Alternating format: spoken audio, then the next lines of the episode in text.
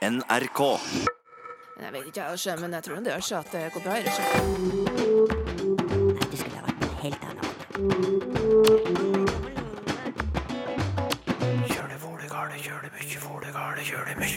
Hvorfor sier vi gulrot når rota faktisk er oransje? Jo, det skjedde i Nederland rundt 1600, tror jeg det var. Og det fikk til en rotkrysning. En rotvekst med fargen oransje. Du får hele den historien og svar på enda flere lytterspørsmål i Språkteigen i dag. Bergen og Oslo blir fort til Bergen og Oslo når vi prater engelsk.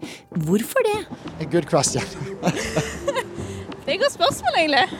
Det er nok fordi man eh, snakker med den uttalelsen på engelsk, og da fortsetter man bare. Fordi jeg ville sagt det som Bergen. Men er det nødvendig for forståelsen? Vel møtt til Språkteigen. I mye av den posten Språkteigen har fått i det siste, så spørres det om faste uttrykk. Så vi skal starte i dag sammen med Georg Kjøll, lingvist som har jobbet mye med det temaet de siste åra. Og det første spørsmålet kommer fra Arne Søholt, som har merka seg en litt underlig bruk av uttrykket å male seg inn i et hjørne. På radio så hørte han en av våre samfunnstopper, som han skriver, si det tar lang tid å male seg inn i et hjørne, men det tar enda lengre tid å male seg ut att. Jeg er ikke helt overbevist om at hun visste helt hva hun ga uttrykk for, skriver han, og hva sier du til det, Georg? Jeg syns det er et utrolig morsomt eksempel. Det er et veldig, er et veldig bra uttrykk også. Altså, mange ganger har vi snakket om at faste uttrykk som har en sånn visuell kvalitet, er eh, ekstra fine og ekstra lette å bruke. Eh, og de er kanskje også litt sånn gjennomsiktige, mer gjennomsiktige enn andre faste uttrykk, fordi man kan på en måte se det levende for seg. Men uh, her har jeg, jeg funnet et godt eksempel på at det er ikke hver gang dette her dette, dette, slår til. Så ja, hva, hva, vedkommende samfunnstopp har tenkt på med maling her, er litt, litt uklart. Men rota, rota, det til, i hvert fall. Det er helt sikkert. men hva betyr dette her, da? Det handler om å selvforskyldt komme i en fastlås eller håpløs situasjon. Så ja, når du maler et gulv, og så skal du på en måte male deg ut av eh, male deg på en sånn måte at du kanskje treffer en utgang, sånn at du slipper å bli sittende i det hjørnet til malingen tørker og du må begynne, begynne på nytt. Um, så eh, det snakker vi om i alle mulige sammenhenger nå, at man har malt seg inn i et hjørne når man har gjort, ja, gjort, noe ustrategisk og endt opp, uh, endt opp med bukta av begge endene, som er et annet uttrykk for det, det, det, samme. Og det har vi veldig mange uttrykk for. Vi snakker om å skjære av grenen man sitter på, eh, f.eks. Eller skyte seg selv i foten, eller å grave sin egen grav. Og eh, dette er litt sånn talende for et, for et fenomen vi ser mye av i, i språk, og vi ser på språkhistorie og etymologi, at eh, vi har ganske mange Eh, bilder på ting som er litt flaut. Så der hvor, eh, der hvor, man snakker om at han har dummet seg ut, så finner vi veldig mange sånne faste uttrykk og metaforer og det samme for, eh, for aktiviteter som man skammer seg litt over. F.eks. å være full har utrolig mange synonymer og, og slangord og dialektord på, på, norsk. Så jeg tror dette, dette er et symptom på, på akkurat det samme. Har du noen eksempler? Eh, ja, altså Det er jo så mange. Jeg tror du kunne fylt et helt program med ulike varianter av dette her. Men eh, vi snakker om å være snydens, f.eks. Eller å være eh, vindskeiv. Eller være helt drita. Eller å være helt borte. Eller å være på en snurr. Eller gå på en smell, som jo kan brukes om mange, mange ting. Men ja, det fins altså så mange, og noen av de er jo vanskelig å vite hvor kom fra også. Som f.eks. helt kanakas som brukes eh, mye. Men eh, hvor det, hvor det dukket opp fra, er vanskelig å, å, å, si. Noen mener at det kom fra noe eh, sjømenn som hadde vært ute og, og, møtt et folkeslag som var tilbøyelig til å, til å være drikk, drikkfeldige. Og var, da var man helt kanakas. Men det, det, er en teori jeg ikke er, er, helt sikker på. Så det har den Altså denne, denne måten å snakke om litt flaue ting på og og etablere nye uttrykk for det, er litt artig, fordi som oftest så skjønner man nesten uansett hvilket ord man bruker for det, hva, hva det er snakk om. Hvis man har vært som er litt flau og har fortalt om en opplevelse på byen, og så sier man eh, ja, jeg var helt vindskeiv, så trenger du ikke ha hørt det før for å gjette at det var det som var resultatet av at du drakk eh, for mye øl. Så det er en veldig sånn produktiv eh, sammenheng å lansere nye uttrykk i, og det er antagelig det som har skjedd med, med Kanakas. Da. Og da får du jo selvfølgelig varianter av alt dette her også. En artig misforstått variant av det er å være helt kanasta drita, som jeg, som jeg hørte for ikke så lenge siden.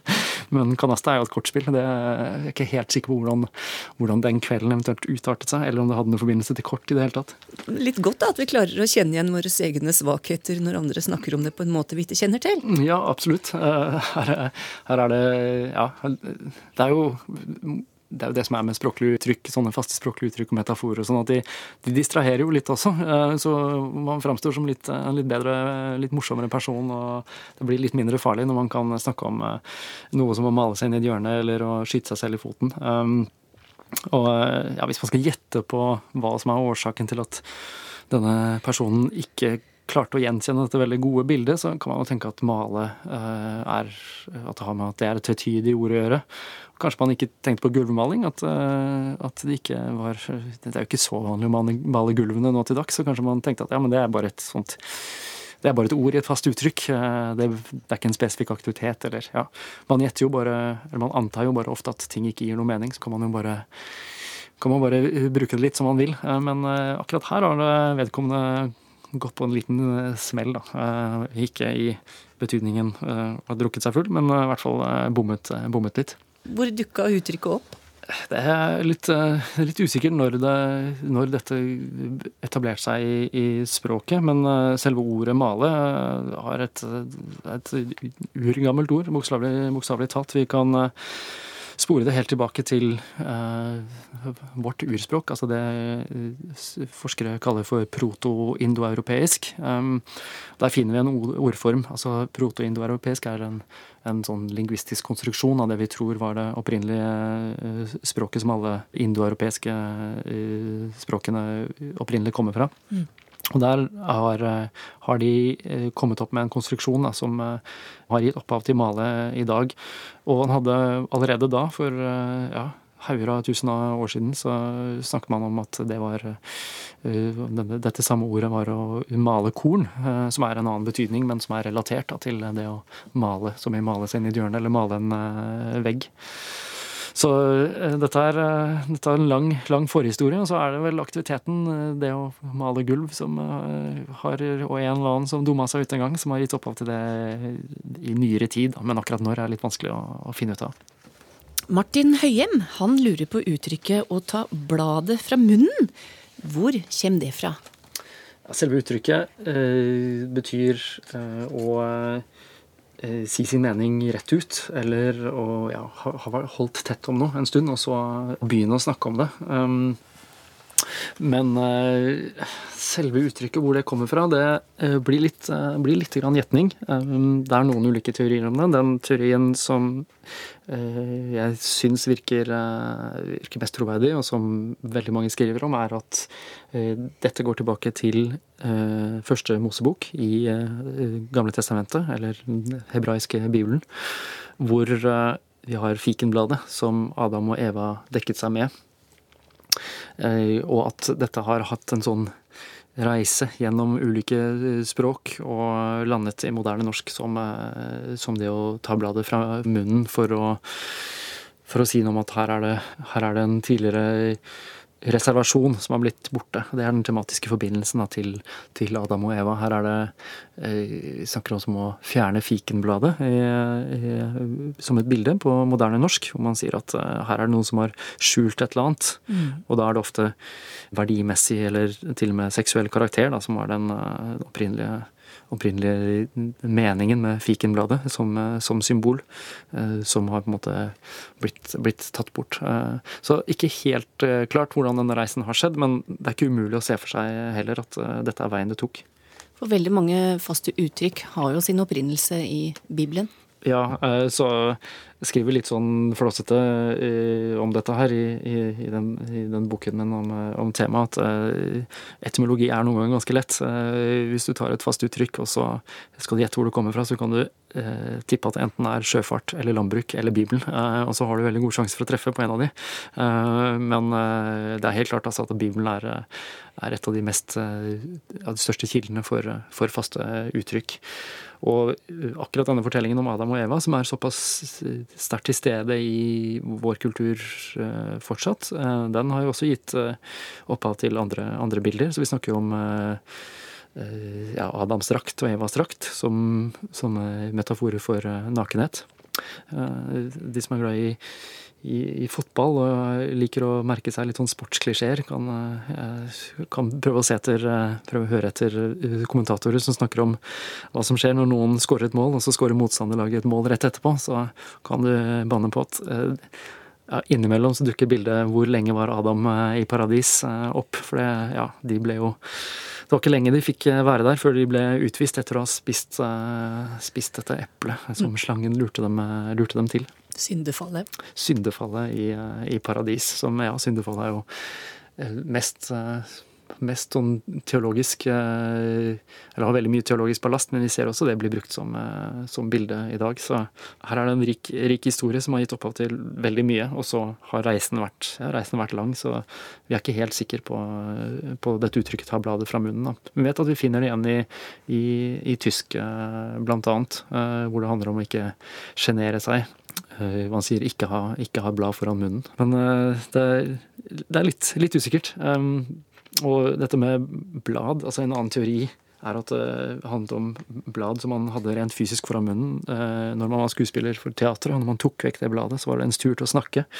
Så det er en annen teori som ikke har like, mye, like mange tilhengere. Men blad er jo et tvetydig ord, og vi snakker om det som ark eller Eh, løv eller tidsskrift snakker vi om et ukeblad. Um, eller tidligere snakket vi også om aviser som, som blader. Mm. Uh, vi har fått bilde, eller det gamle slangordet bladfyk om en journalist, som er satt sammen av det, den bladbetydningen, og fyk som er et ord for en rive. Uh, typisk en sånn sleperive som man brukte for å samle inn gress. Og tørrhøy på, i landbruket i gamle, gamle dager.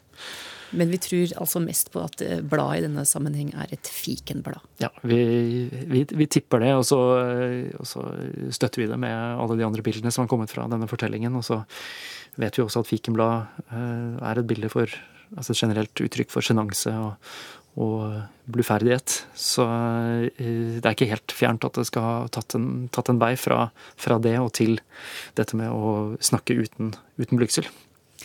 Georg Kjøll svarte på lyttespørsmål om faste uttrykk.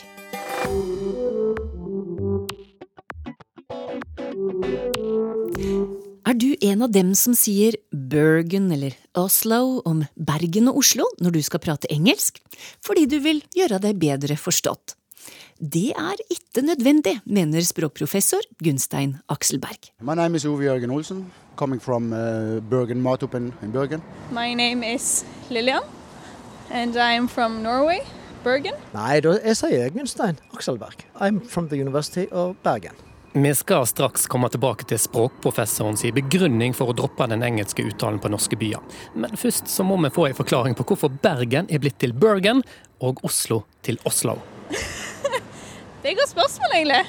Det er nok fordi man eh, snakker med den uttalelsen på engelsk, og da fortsetter man bare. Men Tror du de skjønner at det er Bergen? Ja, for de ville sagt det som Bergen. A good question. That's a good question. Yeah. Because I'm speaking English then, yeah. Tror du engelskmennene forstår oss bedre hvis vi sier Bergen, Oslo, Stavanger, Trondheim? Jeg tror vel kanskje det. Uh, jeg har sagt, nei, jeg kommer fra Trondheim, jeg. Og Trondheim. Ja, ja. I'm Josephine. I'm from Steigen. Heter du Josephine? Josefine. Hvorfor uh, endrer du navn på engelsk? Det er jeg faktisk ikke sikker på. Det er vel eh, for at det skal være internasjonalt, at folk skal skjønne det. Men Steigen er Steigen? Steigen er Steigen. Det blir ikke noe annet på engelsk? Nei, det blir det ikke. Hvis du hadde vært i Oslo eller Bergen, hva ville du sagt da? Da ville jeg sagt Oslo eller Bergen, ja. Mm. Er ikke det litt rart? Jo, det er litt rart. det har jeg aldri tenkt på før, men ja. de store byene er internasjonale. De bør på en måte være lett gjenkjennelig for alle, syns jeg. Men nå heter det jo tross alt Bergen og Oslo. Ja, det sant det. Men mange byer har jo andre navn på, eh, på engelsk som faktisk ikke ligner på det som de heter i det hele tatt. Jeg tror at det er vel så nyttig med tenke på funksjon. Eh, For når jeg sier Bergen, så eh, er det slik at jeg føler at det blir forstått. Når jeg sier Bergen, så er jeg ikke helt sikker på om det blir forstått. Fordi at denne engelske uttalen av det norske ordet tror jeg ikke gir så veldig mye forhold til når det gjelder eh, forståing og presisjon eh, på hva by eller lokalitet det måtte være. Men samtidig så har det òg noe med å eh, signalisere en eh, kulturell bakgrunn og en identitet. Og eh, FN, eh, Unesco, de har jo da regler for dette her. Eh, Og de, de, deres regler er at en i størst mulig grad skal bruke den skrivemåten som blir brukt i landet. Hvis vi uttaler det på, på norsk måte, altså Bergen, Oslo og Stavanger, så tror jeg det kanskje har like god funksjon og like god effekt som om en legger en engelsk uttale på det.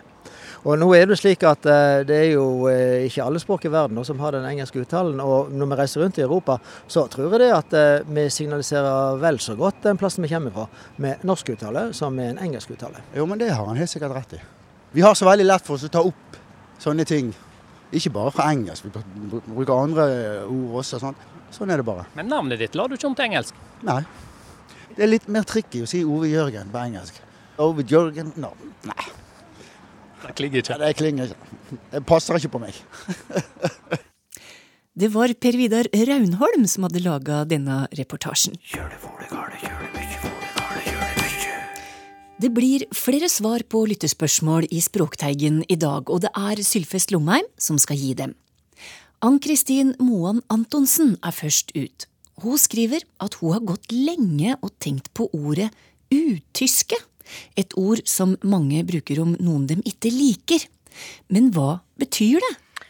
Ja, det betyr jo det som eh, Ann-Kristin eh, Moan Antonsen sier, at dette er noe negativt. Eh, vi må til ordet tyske, og enkelte vil kjenne det som utysje, altså et tysje. Og det igjen er slekt med tuss og tusse. Og da tror jeg mange hopper inn på sporet vårt, fordi at det er et ord vi bruker Det er ikke noe veldig vanlig ord, men det er et ord vi bruker for et underjordisk vesen, altså noe vesen som er litt skummelt og sånn. Som i tusser og troll? Nettopp. Ja. Tuss og troll, der har du det. Heilt presist. Men hvis det er det motsatte av underjordisk tuss, da er det altså utysje, eller utyske. Ja. Og det passer jo ikke. Nei. Og der har vi et døme på det som vi må huske på i norsk, nemlig at når U står som forledd, så har det to etablerte, hevdvunne funksjoner i norsk. Det ene er negativt, altså betyr ikke for eksempel uvenn og uh, u... Ja, kan du komme med et ord på u, Torunn? Urolig, for eksempel? Ja, og ulydig, det betyr u ikke. Men den andre, mykje sjeldnere, men den finst og den lever ennå, er at u som forledd betyr veldig, altså forsterkende. Og det er det vi har i utysje, eller utyske. Det er et veldig vesen, det er et veldig farlig, stygt underjordisk vesen. På samme måte som vi har udyr. Udyr betyr jo ikke et menneske, altså det motsatte av dyr. Det betyr et veldig stygt, fælt dyr. Da er det udyr. Så der har vi òg den funksjonen av u. Om du har en filmserie på tre filmer eller en bokserie på tre bøker, så heter det trilogi, både på norsk og engelsk. Men hvis ei bok ikke er i en serie, men står alene, hva heter det på norsk da? Har det noe navn i det hele tatt? På engelsk så er det stand alone som eh, brukes, men enestående fungerer liksom ikke på norsk, skriver Oda Renate Lyngstad Oltedal. Hva sier du til det, Sylfest? Nei, hun har rett i det at eh, enestående på bokmål det fungerer veldig godt på norsk, men det fungerer altså ikke i den forstand Det er ikke brukt om ei bok som eh, står alene, som ikke er del av en serie. Eh, vi har trilogi. Der må vi forresten huske på at vi ikke skal si triologi, mm. som mange sier. Det heter duo og trio om to eller tre som aktører, la oss si musikere eller sangere. Men den O-en forsvinner med en gang vi har det som forledd, så det er trilogi. Bare så det streker under. Men stand alone, nei, vi har ett ord på norsk, og det er jo et fagord. Og det er til og med ikke norsk, men det er jo gresk, eh, latin. I forskningsmiljø så er begrepet monografi i bruk. Og monografi betyr Mono betyr ein, og grafi er skrift. Altså monografi betyr ei enkeltstående, altså ei bok som står aleine. Det er bare det at det ordet blir brukt bare når det gjelder eh, forskningsbøker, avhandlinger, fagbøker. Altså i den vitenskapelige sfæren blir monografi brukt om ei bok som er skreven om eitt tema, og som står aleine. Så der har vi eh, tilsvarende stand alone, men vi har ikke noe allment ord for ei bok som står aleine. Da har ikke vi noe ord på norsk. Nei, så da er det bare ei bok, da? Da er det bare ei bok, og det er jammen godt nok. Marie Bordi har egentlig et ganske enkelt og greit spørsmål, men kanskje er det ikke så greit likevel. Hvorfor heter det gulrot når den er oransje? Ja, for det er våre gulrøtter, stort sett. De er av oransje farge, ikke røde og ikke gule, men midt imellom. Ja. Så vi sier gulrot likevel. Hva sier det på engelsk? Carrots. Hva sier det på fransk? Karott. Og hva sier det på tysk? Karotte. Så vi ser at nedover på kontinentet så har de et helt annet ord. Men i det tyske språkområdet, der er det flere ord, historisk sett, som, blir, som har vært brukt. Og eit av de orda er gelbe rube og det betyr ei gul rot. Hm. Så der har vi det. Og i sveitsisk tysk var dette lenge ganske einerådende som ord gelbehøybe. Så eh, da kan vi bare legge det til sides at dette er liksom noe norsk eller noe skandinavisk tull. At vi begynte å kalle dette ei gulrot når den egentlig er oransje. Det kan vi bare legge fra oss som, som holdning. Det er ikke slik det henger i hop.